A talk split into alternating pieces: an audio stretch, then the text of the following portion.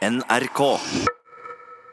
Men før det så skal vi snakke om uh, Leonard Cohen og alle kjærlighetsbrevene han sendte til norske Marianne Ilen. Og grunnen til at vi gjør det, er at uh, i dag starter auksjonen uh, der alle disse brevene skal gå under hammeren. Og det skjer på auksjonshuset Christies i New York. Samlingen er ventet å gå for mange millioner kroner, men brevene auksjoneres bort enkeltvis. Og det betyr at samlingen risikerer å bli spredt. Mm. Flere brev fra Leonard. Skal vi si det er mange kjærlighetsbrev, da? Tror det. Du ville kanskje ikke ha gjenkjent lyden av kunstner Marianne Ilen bare på denne radiodokumentaren fra 2005. Men sannsynligvis drar du bedre kjensel på henne når du hører disse lydene.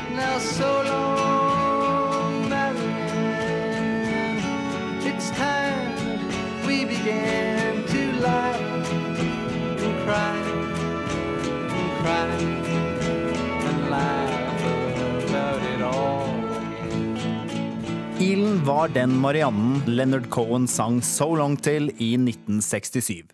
Gjennom forholdet deres på 60- og 70-tallet var hun inspirasjonen til mye søt musikk for Cohen, både på plate og på privaten, ifølge artist og mangeårig Cohen-fan Lars Lillo Stenberg. At det var noe han kunne bli inspirert av til å formulere tekster, det vet vi jo. Så, og, veldig, og noen av de er jo hans mest ikoniske låter, så det er absolutt viktig.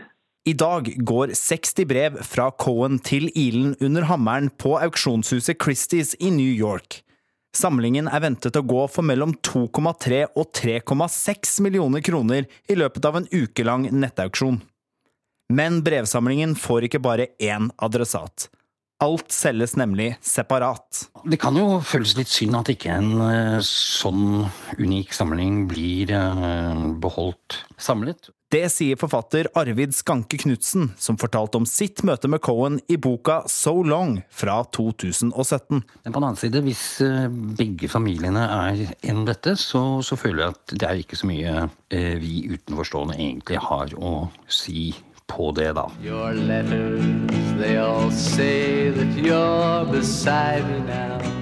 Artist Kari Bremnes mener det er synd at den andre halvdelen av brevvekslingen Cohen synger om her, nå kan bli spredt. Det er synd at disse brevene ikke behandles som en kulturskatt og ivaretas som det, samlet, skriver hun i en SMS til NRK. Lars Lillo Stenberg mener imidlertid at det fins viktigere ting enn at brevene holdes samlet. Altså Det første jeg tenker på, er jo at hvis det er kopiert opp innhold i disse brevene og kommer til å være tilgjengelig for allmuen i ettertid, så er jo det det viktigste. Og ivaretatt skal de bli. Ilens familie har gitt digitale kopier til Nasjonalbiblioteket, slik at de blir offentlig tilgjengelige i fremtiden. This is for you. It is my full heart. It is the book I meant to read you when we were old. I meant to read when you were old. Now I am a shadow. I am restless as an empire. You are the woman who released me. I dette klippet leser paret et dikt Cohen skrev. Vennskapet deres varte livet ut, helt til Ilen gikk bort i juli 2016. Fem måneder senere døde også Cohen. She was a traditional Nordic beauty. That was indisputable, but, but she was also very kind. Utvilsomt uh, veldig vakker, men også veldig snill, var det Leonard Cohen sa om Marianne Ilen i dette radiointervjuet fra 2006. Reporter her, det var Øystein Tronsli Drabløs. Men dette uh, intervjuet det ble gjort av journalist og forfatter Kari Hesthamar. Velkommen til Nyhetsmorgen. Tusen takk. Hva tenker du om at disse kjærlighetsbrevene fra Cohen til Marianne Ilen skal nå gå under uh, hammeren i New York? Nei, Det syns jeg er veldig spennende. Jeg tror det hadde vært i Marianne sin ånd tror det likte. Ja, Men ett og ett, liksom? ja. Det er jo familien som har kommet fram til de samråd med Kristis. Og så blir de jo samla i den forstand at det blir tatt kopi av dem, som blir tilgjengelig for offentligheten. Så er det jo Marianne og hennes familie sine, sine brev, men det er Lennart Cohen som har ført i pennen, så han eier opphavsretten. Og det betyr at de ikke kan brukes i kommersiell virksomhet. Nei. Men kommer samla til å komme hele offentligheten til gode. Men, men, betyr det da også at uh, folk som eventuelt ønsker å forske eller skrive eller tenke eller lese eller synge om disse brevene, de har tilgang på det gjennom det Nasjonalbiblioteket? eller? ja. Mm. ja. Um, Disse brevene, hva forteller uh, de egentlig om forholdet mellom de to? Og det forteller jo mye om ung lengsel og kjærlighet. De møttes i 1960 på Hydra i Hellas. Og da var de cirka hvor gamle? Og da var de helt i starten av 20-åra. Da var Marianne gift med forfatteren Aksel Jensen. Eh, men forholdet skrante, og Leonard Cohen kom eh, seilende inn og kjøpte seg et lite hus der. Og han var jo helt i sin spede start på karrieren da. Så både forteller det noe om, eh, om kjærlighet og, og lengsel, og han pendla jo mye mellom Montreal og New York Marianne, Oslo. eh, og Hydra, så mye avstand i det forholdet. Men det forteller òg mye om hans musikkarriere, for han var helt i starten. Da drømte han om å skrive en låt som var stor nok til at han kom på jukebox. Mm. Eh, og hadde gitt ut ei uh, diktsamling. Så, så, dette beskriver jo veldig mye av hans karriere, rett og slett, når han skrev mange av sine store sanger. Du snakket jo med dem 40-50 år, ja, 40 år etter. da. Mm. Hvordan opplevde du forbindelsen mellom dem etter at de hadde vært fra hverandre i såpass lang tid? De holdt jo kontakten hele livet, men mye mer sporadisk. Men jeg opplevde at det var en veldig stor eh, varme og respekt. Det var veldig formative år for det. Eh, Lennart har jo vært veldig tydelig på at Marianne var hans muse. Eh, at hun fikk han til skrivebordet, at hun alltid satte en gardenia, en blomst, på, på pulten hans. Fikk han til å skrive når han ikke fikk det til. At hun var veldig varm og snill. Samtidig som hun òg var, var, farlig da, og dansa hele natta og stupte fra klippene mens han venta på følge henne. Men hvordan har hun påvirket ham i, i, i kunsten hans, i, med, i tillegg til bare det å få han til å produsere? Nei, jeg tror rett og slett ved sin tilstedeværelse at hun har nært mye av skrivingen hans. Han snakka jo mye om det, at hun rett og slett fikk han til å skrive. Eh, lagde den roen i huset. På mange måter så var jo hun husmor. Hun var alenemor eh, som stakk av gårde til Hellas sammen med Aksel Jensen på slutten av 50-tallet, som i seg sjøl var ganske friskt på, på, den tida, men kom samtidig fra et eh, borgerlig hjem på, på Frogner. Så hun tok jo med seg mye av den tradisjonelle rollen, og han var òg en eh, gammeldags mann, beskriver Marianne. Selv om dette var en brytningstid på veldig mange måter, så sa hun at han er en type mann som tar av seg hatten når det kommer ei dame inn i heisen. Ja. Men, men uh, hun påvirket ham, men han påvirket også kanskje hennes uh, kunstnerkarriere? Ja, nå levde hun aldri som, som kunstner, men jeg tror at de hele det miljøet der som var på, på Hydra i den tida, det var jo et slags fristed nesten for, for kunstnere som kom fra, fra, hele verden. Mange var på vei videre til India, men, men mange møttes der. Eh, forfattere, kunstnere av uh, ulikt slag. Så jeg tror de inspirerte hverandre sterkt. Og så var det på en måte et lite øyeblikk i, i tida som så gikk over, og så forsvant alle inn i sine, sine andre liv. Så alle visste at dette kan på en måte ikke vare. Kan du kort si noe om hvorfor disse eh, brevene er så verdifulle? Det tror jeg er både fordi det forholdet deres er blitt litt sånn ikonisk større enn seg sjøl på mange måter. Eh, så den, og så skriver jo Lennart fantastisk. Han har det der litterære anstrøket òg i de brevene. Samt at det beskriver mye av hans karriere. Hans første konsert f.eks. I, i New York, som feiler helt. Han gikk av scenen og bare så karrieren sin svinne hen.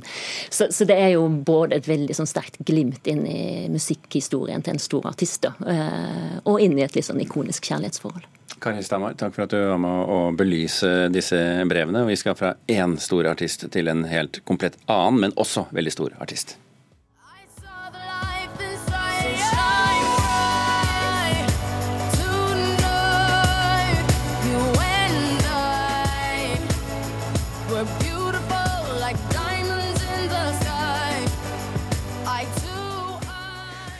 Dette er eh, Rihanna med låta 'Diamonds', og nettopp Rihanna har tatt steget opp til å bli den rikeste kvinnelige musikeren i verden. Men det er ikke musikk som gjør at hun danker ut de andre damene på lista, kulturreporter Ingunn Vassvik Mikkelsen.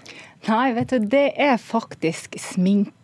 Hun har gjort eh, knallsuksess med sitt eh, eget merke Fenty Beauty, som hun lanserte for en eh, tre års tid siden. Og hun har da akkumulert en formue på 600 millioner dollar, altså ca. 5,2 milliarder norske kroner. Det er magasinet Forbes som har denne lista. Og hun sier sjøl at en ung svart kvinne som omfavner alle unge menneskers ideer og penger, kommer på veien.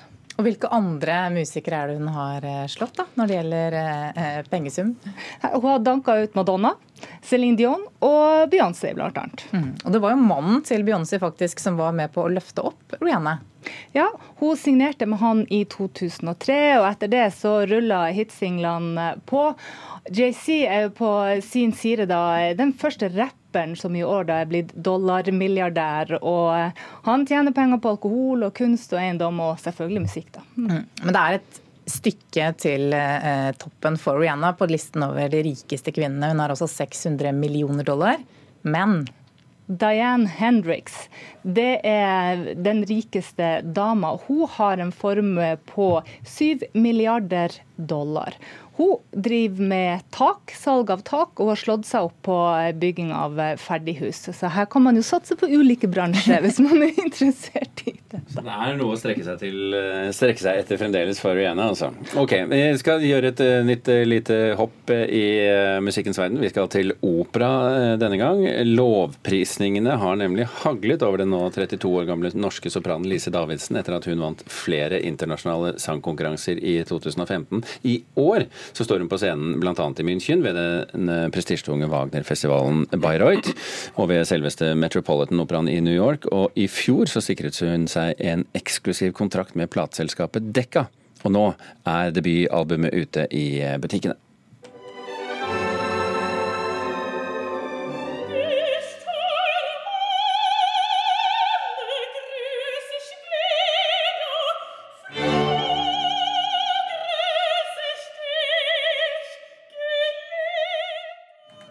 Musikk av Richard eh, Wagner eh, fra operaen Tannhäuser. Dette er åpningskuttet på Lise Davidsens debutalbum, hvor hun da kompagneres av Philharmonia Orchestra. Eh, dirigert av eh, Esa-Pekka Salonen. Anmelder eh, Øystein Sandvik, det er naturlig nok store forventninger til dette albumet, i hvert fall for oss her hjemme i Norge. Hvordan vil du si at det er blitt? Altså, dette er et album som viser en sanger med en helt eksepsjonell naturbegavelse, eh, men som fremdeles er ung og som har noe å, å gå på. Eh, men hun staker ut kursen her. Hun synger Wagner og Strauss. ikke sant? Dette er det mest krevende som finnes av musikk skrevet for sopran. Ikke det mest høydramatiske enda, eh, men, men dette det viser hvilken vei Lise Datsen kommer til å gå så er det interessant å høre henne i en plateproduksjon. Altså Den overveldende kraften man opplever i konsertsalen og operahuset når man hører Lise Davidsen, blir litt borte på plate. Altså Alle kan på en måte overdøve et orkester på plate. Samtidig så fokuserer liksom mikrofonene på ting man ikke hører så godt i en stor konsertsal. og Det er interessant å høre Ja, Som hva da, f.eks.? F.eks.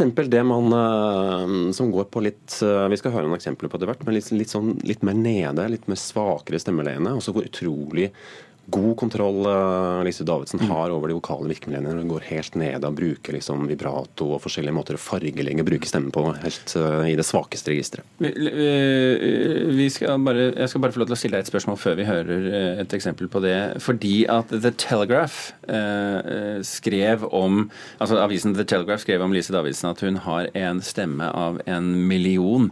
Men hva er det for oss som ikke er liksom så veldig kjent med, med operaverden, som gjør det til en stemme av en million?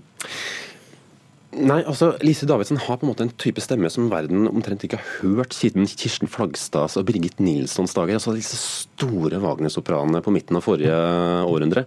Så det finnes masse talentfulle sangere, norske og, norsk og internasjonale sangere, som har en fantastisk teknikk. ikke sant? Altså De har en utrolig musikalitet. altså Det er på en måte standarden som settes.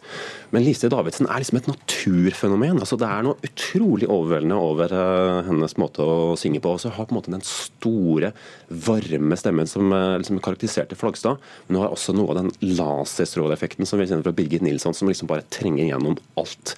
Og Dette er som sagt fremdeles en sanger som er ung, og som har noe å gå på, som enda faktisk ikke gjør det aller største og mest krevende repertoaret.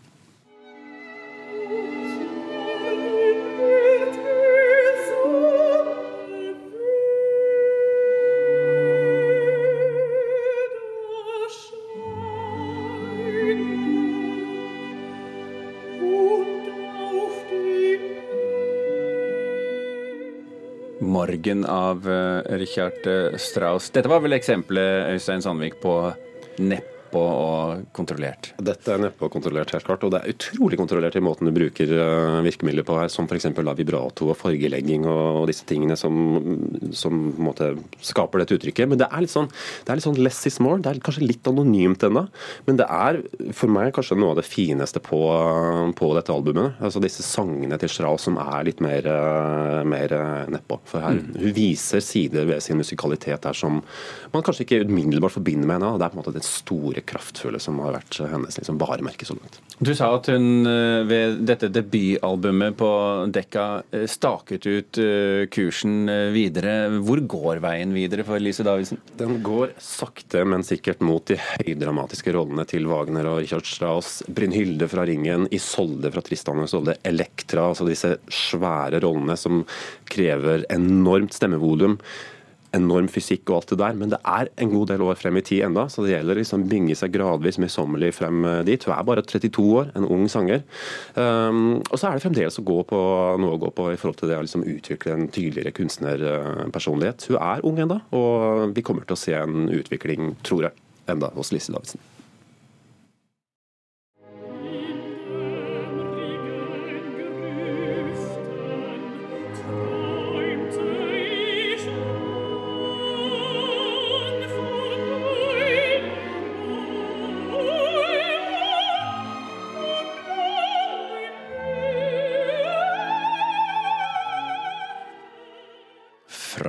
Fryling Vier eh, letzte eh, Lieder. Richard Strauss fremførte altså av den norske sopranen Lise Davidsen, som er nå ute med sitt debutalbum eh, på Dekka. Albumet ble anmeldt her i Nyhetsmorgen av Øystein Sandvik.